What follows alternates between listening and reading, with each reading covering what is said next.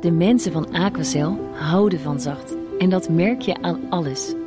Dankzij hen hebben we nu echt zacht water en een kalkvrij huis. Voor hun klanten zijn ze zacht. Dat zijn ze trouwens ook voor elkaar. Voor ons zijn zij de kracht van zacht. Aquacel. 100% zacht water, 100% kalkvrij. DNR Mobility wordt mede mogelijk gemaakt door Mobink, ALD Automotive en Together. Together. Simplify Mobility. BNR Nieuwsradio. BNR Mobility. Meindert Schut en Nout Broekhoff. Regelgeving blijft uit en dus mogen elektrische steps nog steeds niet legaal de weg op in Nederland. En we lopen daarmee ver achter in Europa. Het hek is al van de dam. Uh, het is overal te koop. En voornamelijk in de Randstad wordt er ook enorm veel op gereden. Blijft toch een beetje gek, hè, Nout? Ja, ja, het lijkt een beetje een soort uh, onvermogen om in te spelen op dit soort uh, mobiliteitsinnovaties. Oeh, er is iets nieuws. Oeh, daar moeten we eens even heel goed over ja, gaan nadenken. Maar misschien is het ook wel verstandig, hè? Ze zijn gewoon best wel gevaarlijk. Ze gaan best hard. Ja. ik, ik, heb, ik heb getest, hè? Daar gaan we straks wel even naar luisteren. We gaan het namelijk ook over deelmobiliteit hebben. Is dat nou een hype of niet? En dat bespreken we zo meteen met de baas van Felix. Ik denk dat hij het geen hype vindt. Elektrische scootertjes. ja. ja. Welkom bij BNR Mobility, het mobiliteitsprogramma op BNR. Uh, na een week van winters weer maken we de balans op, Nout. Ja. Uh, heb jij nog geschaatst eigenlijk? Nee, ik ben niet zo van. Jij wel, hè? Is een prachtige vorm van mobiliteit. ja. Och. Ja, ik heb heerlijk geschaatst uh, dit weekend op de Ankerveensplassen. Zo mooi. Geen wak tegengekomen? Uh, ja, in ieder geval niet ingevallen. Heel goed dus. Maar goed, uh, andere vormen van mobiliteit, die waren lastig. Ja. Bijvoorbeeld de NS likt haar wonden. Ja, dat kun je wel zeggen. Kijk, ruim een week lang was het treinverkeer uh, verstoord. En dat resulteert in een groot aantal treinen die niet reden. Blijkt het onderzoek van het treinreisplatform treinreiziger.nl. En je hoort Hildebrand van Kuieren. En op basis daarvan komen we tot de conclusie dat een kleine 20.000 treinen de afgelopen weken niet gereden hebben. En dat is gebaseerd op de cijfers die ProRail publiceert over het uitvalpercentage van treinen. En als je dan berekent, uh, vanuit gaat dat iedere dag ongeveer 5500 treinen uh, rijden, is 20.000 treinen geschrapt. Is echt een gigantisch aantal. Dat heb ik in de 15 jaar dat ik het spoor volg nog niet meegemaakt. Dan behalve met een staking. Er zijn ook dagen geweest waar 75% van de treinen niet gereden hebben. Het is alleen het geluk dat we nu corona hebben, waardoor 80% van de reizigers niet reist met de trein. En dat is eigenlijk het grote geluk, want anders was het de chaos vele malen groter geweest. Ja, want stel je voor dat er geen corona was geweest, al die mensen hadden gewoon naar hun werk gemoeten. En dat kon dan dus niet. Tijd voor bezinning zou je denken. Hoewel, ja, de NS wijst naar ProRail. Wat je ziet is dat ProRail wel erkent dat het uh, langer heeft geduurd dan ze zelf hadden gedacht. Je ziet ook dat ze deze keer geen um, excuses maken. Dat hebben ze in het verleden wel vaak gedaan. Dat maakt mij op zich ook niet zo heel veel uit. Want ja, voor excuses koop je uiteindelijk ook niks. Maar ik denk wel dat er zeker een grondige evaluatie uh, gaat volgen. En dat ze zeker ook wel uh, niet blij zijn uh, hoe het nu is gegaan. En dat het meer impact heeft gehad dan ze zelf ook hadden verwacht. Ja, en ik weet de uitkomst van de evaluatie alweer. Oh. Ja, ja. Ja, volgende keer moet het echt beter. En het mag niet meer voorkomen. Dat hebben ze namelijk ook al drie keer gezegd. Ja. Dus ja. ja, we hebben het er vorige week ook over gehad. En het heeft gewoon te maken met die wissels. En als je die wissels aanpakt, ja, dat kost gewoon heel veel geld. Dus gaan we voor die week dat er geen uh, treinen rijden... of 20.000 uh, treinen minder rijden, gaan we daar ja, maar honderden miljoenen dit voor soort investeren. situaties al wel vaker meegemaakt in Nederland. En hij zegt net, zo erg als nu heb ik het nog nooit meegemaakt. Ja. Ja. Nou, die, die weersomstandigheden zijn wel een keer eerder zo erg geweest. Dat denk ik ook. Ja, het moet wel beter.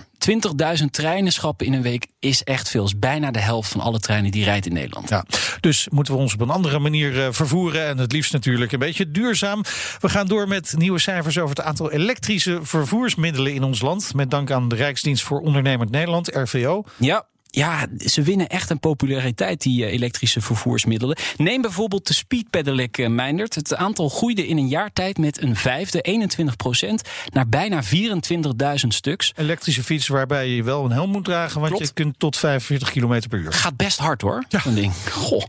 Ik heb een keer een rotonde proberen te nemen met zo'n ja. ding. En? Oeh, ging dat ging maar mis. net aan. Ja, vloog er bijna uit. Ik heb ook uh, cijfers van het aantal microcars. Dat zijn De bureaus van deze wereld. Ook dat stijgt en explosief zelfs. Met 143 procent is het aantal gestegen. Maar het zijn er nog altijd maar 1600 hoor. Maar Ja, het maar gaat wel hard. wel lekker ja. droog natuurlijk. Hey, en eh, elektrische scooters? Ja, ook daar is een flinke eh, stijging te zien. Eh, begrensd tot en met 25 km per uur met 38 procent. En begrensd tot en met 45 km per uur. Dat gaat ook met de helft omhoog. Kijk aan. En dat sluit natuurlijk mooi aan bij onze eerste gast van vandaag. Quinten Selwers, CEO van deelscooterbedrijf Felix. Welkom. Leuk dat je er bent. Insgelijks. Ja, er komen dus eh, steeds meer e-scooters bij. Eh, deel van jullie, ongetwijfeld. Maar is het nou goed nieuws of slecht nieuws voor jullie? Eh, ja, dat is denk ik goed nieuws. Want ik denk dat we met elkaar allemaal willen dat we op een duurzamere manier van A naar B gaan. En daar vindt gedeeld elektrisch vervoer vindt daar een belangrijke schakel in. Maar ook particulier elektrisch vervoer. Maar die mensen gaan misschien niet meer een Felix rijden. Omdat ze al een elektrische scooter zelf hebben. Eh, nee, dat denk ik niet. Nee? Ehm, deels ook omdat wij echt voorzien in de flexibiliteit van vervoer. Dus op het moment dat jij een elektrische scooter bezit en jij moet in een andere stad aanwezig zijn, dan kan het zo zijn dat jij daar juist wel weer behoefte hebt aan een elektrische scooter. En op het moment dat je dan zelf ook gewend bent om te rijden op zo'n eh, particuliere elektrische scooter, zou je dat ook eerder daar doen. Ja, precies. Het is heel plaatsgebonden, zeg je eigenlijk. Eh, ja, en, en het voordeel echt van deelvervoer is juist die flexibiliteit waar veel mensen naar op zoek zijn. Eh, en dat, eh, dat versterkt, versterkt elkaar denk ik ook heel erg. Nou, die flexibiliteit vind je nu nog niet overal in het hele land. Hè? Want jullie zijn actief in acht Nederlandse steden en in Brussel. Dus wel een Benelux-bedrijf. Ja, Daar kun je wel achter je naam zetten dan.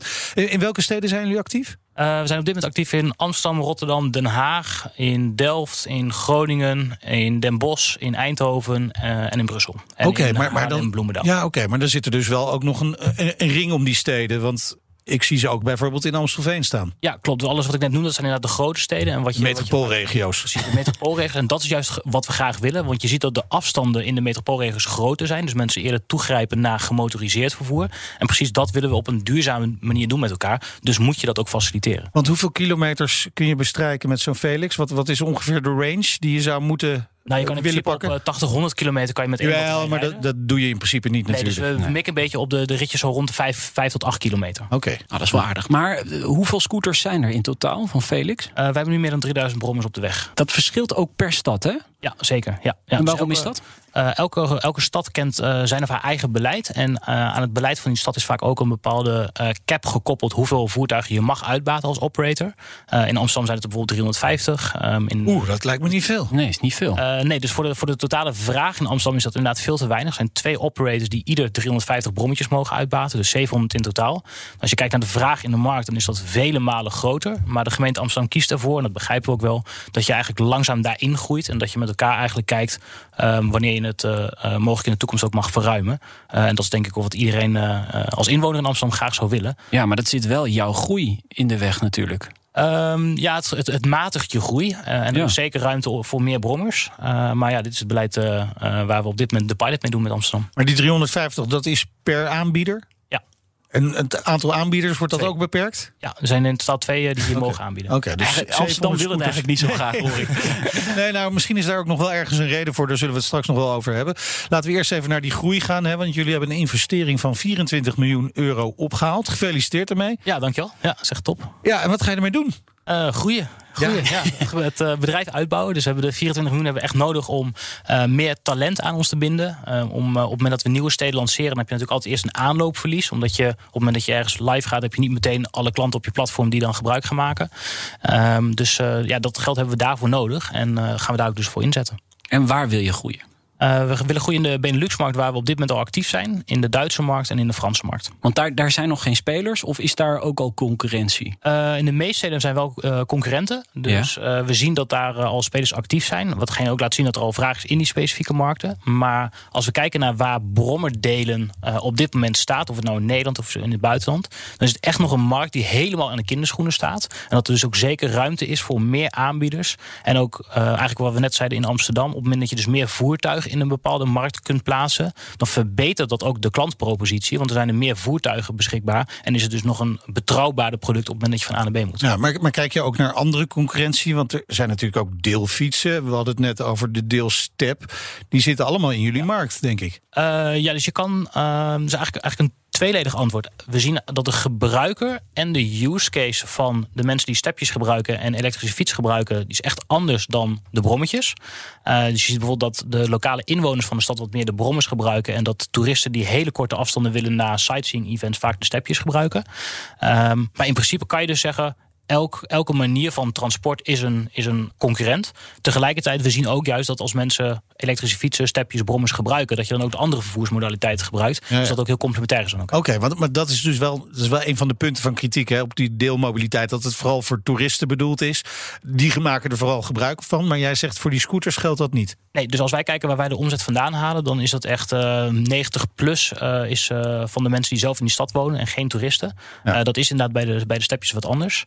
Um, en ik denk dat um, ja, er, zijn, er zijn eigenlijk verschillende redenen voor waarom dat ook het geval is. Je, je, zegt die 24 miljoen gaan jullie vooral gebruiken voor uitbreiding, uh, aantrekken ja. van, van talentvol personeel, die allemaal slimme dingen gaan bedenken, ongetwijfeld. Waar moeten we dan bijvoorbeeld aan denken? Wat voor slimme dingen moeten jullie nog oplossen? Ja, nou wat je, wat je ziet is dat je als je brommetjes uitbaart, dan is het uh, heel belangrijk dat je uh, aan de ene kant een zo, zo goed mogelijke unit economics creëert. Dus eigenlijk zo efficiënt mogelijk je operatie kunt runnen. Ja. En aan de andere kant dat je zorgt dat, je, dat de klantervaring uh, zo goed als mogelijk is. En om dat goed neer te kunnen zetten, geloven wij heel erg dat technologie, in de breedste zin van het woord, eigenlijk de sleutel is tot succes. En om dat praktisch te maken, je kunt je voorstellen dat wij graag willen dat er altijd een scooter beschikbaar is. Dat betekent dus dat wij ook moeten zorgen dat de batterijen niet leeg zijn. Want als die leeg is, kan je de scooter niet gebruiken. Nou, hoe zorg je er nou voor dat je kunt bijvoorbeeld voorspellen welke batterij wanneer leeg gaat over vijf dagen in tijd? Want op het moment dat wij die batterij kunnen verwisselen voordat die helemaal leeg is, blijft die scooter online staan. Betekent dus dat klanten hem kunnen gebruiken. En dat die scooter daar niet in de weg staat omdat die stilstaat. Nee, en, en, en, de scooter winstgevend is. Exact, exact. En dat, dat is precies de kern van uh, die technologische oplossingen. Die ondersteunen ons om de beste dienstverlening te gaan uh, blijven realiseren. En zijn jullie nu al winstgevend? Uh, ja, in 2020 uh, eh, waren, wij, waren alle steden bij elkaar opgeteld winstgevend voor Felix. Ja. En dat is echt uh, vrij uniek voor de micromobility wereld. Wel interessant, want hoe dicht ben je dan bij die oplossing om dat mogelijk te maken? nou, wij maken al gebruik van dit soort toepassingen. Alleen die kan je ook steeds verder itereren. En omdat je gebruik maakt van verschillende, dat heet dan machine learning toepassingen. Dus eigenlijk op basis van het verleden leer je bepaalde algoritmes om betere voorspellingen te doen. En dat kan je eigenlijk steeds verder uitbreiden, steeds verder specialiseren. En je kan ook verschillende van dit soort toepassingen gaan complementeren, zodat je bijvoorbeeld ook met uh, het voorspellen van wanneer een scooter niet gebruikt wordt. En het uh, kan je ook voorspellen wanneer die batterij wel of niet verwisseld moet worden. Nou, als je dat soort algoritmen aan elkaar koppelt, dan kan je eigenlijk nog betere voorspellingen doen, wat die klantpropositie dus nog verder gaat verbeteren. Ja, of dat je dus deelscooter misschien ergens anders moet neerzetten. Natuurlijk, exact, waar het wel de vraag is. Ja. Exact. En hoe ga je dan de technologie gebruiken dat dat niet met mensen hoeft te gebeuren, maar dat je dat bijvoorbeeld doet door prijzen aan te passen. Ah, oké. Dat is interessant. Uh, nou is deelmobiliteit niet helemaal nieuw. Hè? Uh, bedrijf als Greenwheels bestaat al 25 jaar. Toch lijkt het nog altijd geen gemeen goed. Of zien wij dat verkeerd? Nou, ik denk dat het. Uh, nee, ik denk niet dat je het verkeerd ziet. Ik denk dat het nog geen gemeen goed is. Um, ik denk dat, het, dat we wel echt zien dat er een enorme versnelling vindt in de adaptatie. Echt de massa-adaptatie van verschillende deelvormen. En ik denk dat, uh, bij, als, zoals bij zoveel nieuwe ontwikkelingen, je moet op een punt komen dat je kritieke massa hebt. Want die kritieke massa, die gaat er dus voor zorgen dat jij als consument weet dat je altijd ervan op aan kan dat het beschikbaar is. En op het moment dat je dat weet, ga je je gedrag veranderen. En om even een goed voorbeeld aan te noemen. Um, we hadden het net even kort uh, over de over de Nederlandse spoorwegen. Mhm. Wat wij dus nu zien is, wij zijn in veel meer steden actief dan pak een beetje twee jaar geleden. Dat betekent dus op het moment dat je nu in Amsterdam bijvoorbeeld zou vertrekken met de trein van Centraal Station, dan weet jij dat je ook in Eindhoven dat Felix je kan pakken nu. Of in Den Bosch dat Felix je kan pakken. En dat, voorheen was dat er niet, dus is die klantvraag minder groot. En je ziet dus dat je een soort van balans moet creëren elke keer tussen vraag en aanbod. En nu komt het aanbod er, dus zal de vraag ook toenemen. Ja. Dat was voorheen niet zo. En welke impact heeft op die vraag de corona gehad?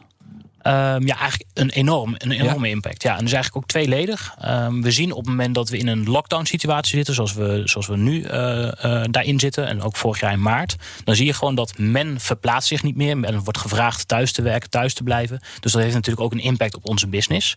Tegelijkertijd zagen we ook dat zodra de curfew, um, de lockdown uh, opgeheven werd, zag je dat er een, echt een natuurlijke behoefte is van mensen om weer erop uit te gaan, uit de, eh, de, de, de straat op te gaan. En dan zie je dus ook dat we op dat moment echt meer ritten faciliteren dan we hadden gebudgeteerd voordat we corona hadden. Dus mensen hebben echt een behoefte om eigenlijk gebruik te maken van individueel openbaar vervoer. Dus bovengronds ritjes maken naar leuke dingen doen met vrienden, dat ze dat daarvoor niet hebben gehad. Dus dan, dan, dan werkt het heel erg in het voordeel van deelmobiliteit. zoals- Precies, dus eigenlijk maar een tijdelijk effect. Ja. Brengt ons wel bij. Het mobiliteitsvraagstuk van de week. Inderdaad, deelmobiliteit is een hype. Dat is de stelling. Ehm, daar ben jij natuurlijk mee oneens. Correct. Maar waarom?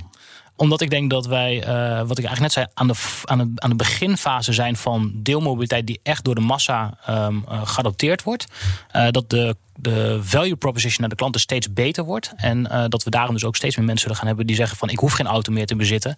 eh, of ik hoef geen brommer meer te bezitten. Ik hoef alleen maar af en toe gebruik te kunnen maken van. En dus ga ik het op die manier ook gebruiken. Ja. Is dat dan niet wel heel erg gebonden aan stedelijk gebied, hè, waar de auto echt kostbare ruimte inneemt, terwijl je daar buiten die steden dat probleem eigenlijk veel minder groot is?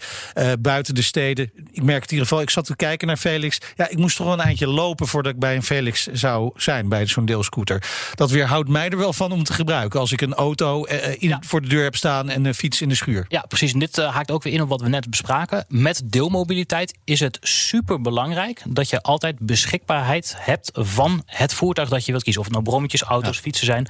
Als dat er niet is, ja, dan zullen mensen hun gedrag niet veranderen. Dan willen ze gewoon naast hun huis een voertuig hebben staan. Ja. En daarom zie je dus dat die, die, dat noemen wij de density play. Je moet een bepaalde dichtheid hebben van die voertuigen in een bepaald verzorgingsgebied. Anders werkt het concept niet. Gaat dat wel op den duur wel werken, ook buiten de steden?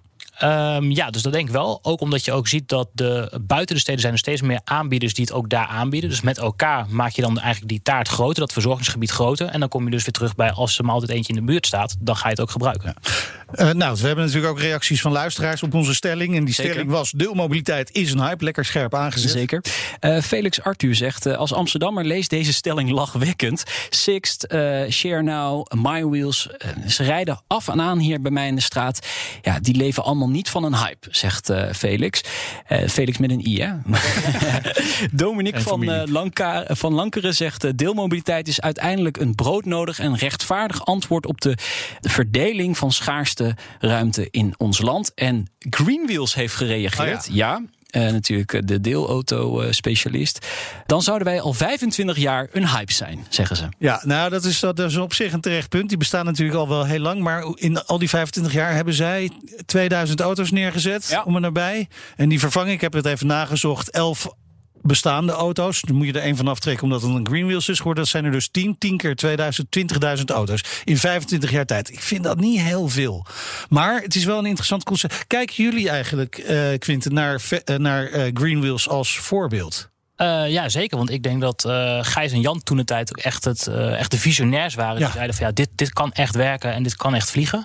Ehm, dus ja, dat, daar kijken wij zeker naar en daar hebben we ook contact mee. Ja, wat ik wel knap vind, zij weten die auto's ook schoon te houden hè, en netjes te houden. Want dat, als je kijkt naar het autodeelconcept in Parijs, dat is echt, dat Ja, zijn echt zulke smerige, gore dingen. Ja, precies. En ook dan kom je dus weer, als, als dat zo is, als klant zijn, Ja. als consument zijn, ja, dan wil je er geen gebruik van maken. En dat hebben Gijs en Jan toen goed. Wat ik, wat ik ook leuk vond van toen de tijd, was dat het echt nog gewoon met, met sleuteloverdracht ging. En dat was echt nog opzetten ehm, ja, zo met, met de technologie van toen. En ja, dat, daar zijn we nu gelukkig iets verder in. En dan kan het dus ook sneller uitgerold worden. BNR Mobility. Ja, het schiet niet op met het eh, legaliseren van elektrische steps. Antwoorden op eh, Kamervragen door eh, demissionair verkeersminister Cora van Nieuwenhuizen leverden afgelopen week weer niks op. Tot groot ongenoegen van Tel Vos van Fat Daddy. En dat is de grootste retailer voor e-mobility in de Benelux. Nou, we hebben twee steps meegenomen. We hebben een eh, Xiaomi step meegenomen. Eentje die je bij eigenlijk elke winkel tegenwoordig wel kan kopen. En eh, de Zero 9. Het is een wat eh brutere step. met veringen en dergelijke erbij. Beide is, zijn steps die in Nederland gewoon verkocht worden. En die wij ook dagelijks de Amsterdam heen zien rijden. Maar eigenlijk mag dat niet. Nee, klopt. Steps zijn nog niet toegestaan op de openbare weg. In alle buurlanden van Nederland wel, maar in Nederland niet. En hoe komt dat? Ja, eh, politiek spelletje. Ja, want jullie wachten al heel lang hè, op die regelgeving. Eh ja, 2,5 jaar geleden begonnen wij met legaliseren. Maar er zijn andere partijen die al zes jaar bezig zijn. Ik ben Nelson Hillebrand en ik doe mee aan de lobby om deze voertuigen legaal te krijgen, genaamd legaal rijden. Het hek is al van de dam. Eh, het is overal te koop, online, bij diverse webshops, via China, maar ook gewoon lokaal bij de mediamarkt. Eh, iedereen koopt ze al en voornamelijk in de Randstad wordt er ook enorm veel op gereden. En als ik ook naar de politie kijk, dan zien die dat ook. Waardoor de agentische vrije tijd komt ook bij dit soort winkels. Je ziet dat het ook te koop is. Dus uh, boetes geven, dat, dat heeft zijn grens wel behaald. Dat helpt niet meer, is niet meer effectief. Uh, ja, wat wij het liefst zouden zien is gewoon wetgeving die meer voertuigen toelaat op de openbare weg. Want uh, zoals het nu is, is het extreem streng. En wij praten ook met fabrikanten en die zeggen ook... wij gaan niet puur voor Nederland een aparte step op de markt brengen. Nou, laten we gaan, gaan rijden. Ja. Doe een helmpje op. Ja, ja dat, dat wel. Ja, graag een helm op, want uh, het, is toch, het moet toch een beetje veiliger zijn. Het is uh, super simpel. Je hebt je gas aan de rechterkant. Met je duim geef je gas. Je moet ervoor zorgen dat je je even afzet. Dat je snelheid maakt, dan pakt de motor het op en dan ga je vooruit. linkerkant is je schijfrem achter. Als je je gas loshoudt, dan remt hij automatisch. Oké, okay. nou dat klinkt heel makkelijk. Nou, daar gaan we. Oeps, even een put ontwijken. Het is hier en daar nog een beetje besneeuwd. Een beetje oppassen. Het gaat best wel hard. We gaan in ieder geval de ene naar de andere fietsen voorbij. Hoeveel van die stepjes zijn er nou in, uh, in Nederland? Het is een vrij hoog getal. Het is wel een ruwe schatting, maar we gaan nu uit van rond de 30.000 tot 50.000 uh, mensen in Nederland die op een e-step rijden. En die dat eigenlijk niet zouden mogen doen? Nee, niet in Nederland. Dus die nemen wel een risico? Ja, iedereen die erop rijdt neemt een risico. Uh, maar ook voor mezelf, uh, het risico is kleiner dan het voordeel. Uh, ik woon bijvoorbeeld in Rotterdam. Ik werk in Amsterdam. Als ik geen e-step heb, dan moet ik bussen, metro's overstappen en ook nog de trein. Als ik een e-step heb, dan haal ik alles weg behalve de trein. Dus in Rotterdam naar het station en in Amsterdam van het station naar mijn werk ben ik niet meer van OV afhankelijk. Waar ik nog een kwartier op de bus moet wachten of dat soort zaken. Ik ben binnen een kwartier op mijn werk. Dus het... Jij gebruikt hem echt voor woon-werkverkeer? Ja. Ik hoor ook vaak, ja, het zijn vooral de toeristen die een e-step gebruiken. Voor die kleine afstanden in de stad. Het, het, is niet voor de massa. Nee, onze verkoopcijfers liegen er niet om. Uh, dit is niet alleen maar voor de toeristen. Zeker niet. Zeker niet. Dus onbegrip, Nout. Ja. Weet je terecht? Eigenlijk niet. Ik vind het eigenlijk wel een prima vervoermiddel. Het is uh, vooral geschikt natuurlijk voor kortere afstanden in de stad. Dus eigenlijk een goed alternatief voor de fiets en de bus. Fietsers ga je ook echt makkelijk voorbij. Je rijdt 25 km per uur op zo'n ding. En, en een fietser rijdt uh, nou, 15, 15 kilometer max. Ligt eraan welke fietser.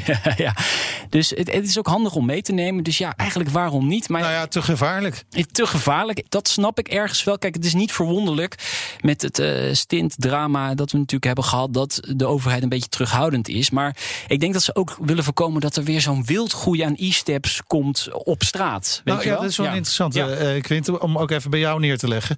Want eh, dit is weer een manier van vervoeren. Zijn jullie geïnteresseerd trouwens in steps? Eh, ja, zijn we wel in geïnteresseerd, ja. Oké, gaat het ook gebeuren? Ehm, niet de aankomende maanden. Want we denken dat we op dit moment echt focus moeten houden op datgene wat we heel goed kunnen. Maar eh, we sluiten zeker niet uit dat we dat in de toekomst ook Want als er één kritiekpunt is, hoor, ook op die deelscooters, dat, dat, dat gewoon, ze worden overal maar geparkeerd. Mensen irriteren zich eraan. Het is een wildgroei van allerlei deelapparaten. Je hebt in China heb je hele kerkhoven met deelfietsen.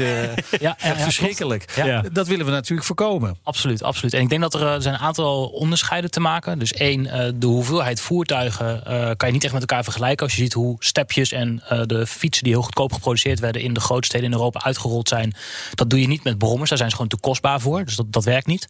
Ehm, twee, een heel, belangrijk ander punt is de, de mate waarin de stepjes kapot gaan. En dan dus ook in de openbare ruimte blijven staan. Dat veroorzaakt ook heel veel overlast. En dan is het ook te duur om ze te repareren. En ehm, dat heb je ook niet bij bijvoorbeeld brommers en bij auto's.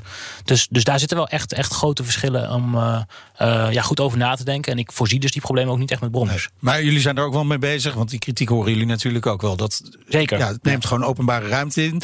Minder dan auto's, dat is waar. Ja, ja klopt. En, eh, en wat we ook zien, en daarin, eh, eh, daar lo- daarin loopt Nederland echt iets achter, is dat we, we hebben geen dedicated vervoers, eh, of sorry, parkeerplekken voor brommers en voor stepjes, waar het in het buitenland al wel het geval is. Dus dat, daar voorkom je natuurlijk ook een heel groot van het probleem mee. Ja, die irritatie, je ziet het ook op, op Twitter. Hè. Je, mensen die dan de foto's tweeten eh, met... Hey, daar staat weer een Felix verkeerd geparkeerd. Maar jij zegt dat is, dat is een, beetje, eh, een beetje zeuren van mensen. Eh, nou, laat ik vooropstellen. Kijk, elke verkeerd geparkeerde scooter is er één te veel. Maar ik denk wel dat er heel erg valt te nuanceren als je kijkt naar hoeveel parkeeracties er plaatsvinden. En eh, het, het aantal daarvan wat dan verkeerd geparkeerd is, dat is, dat, dat is echt een te verwaarlozen. Dan heb je het echt over tienden van procenten.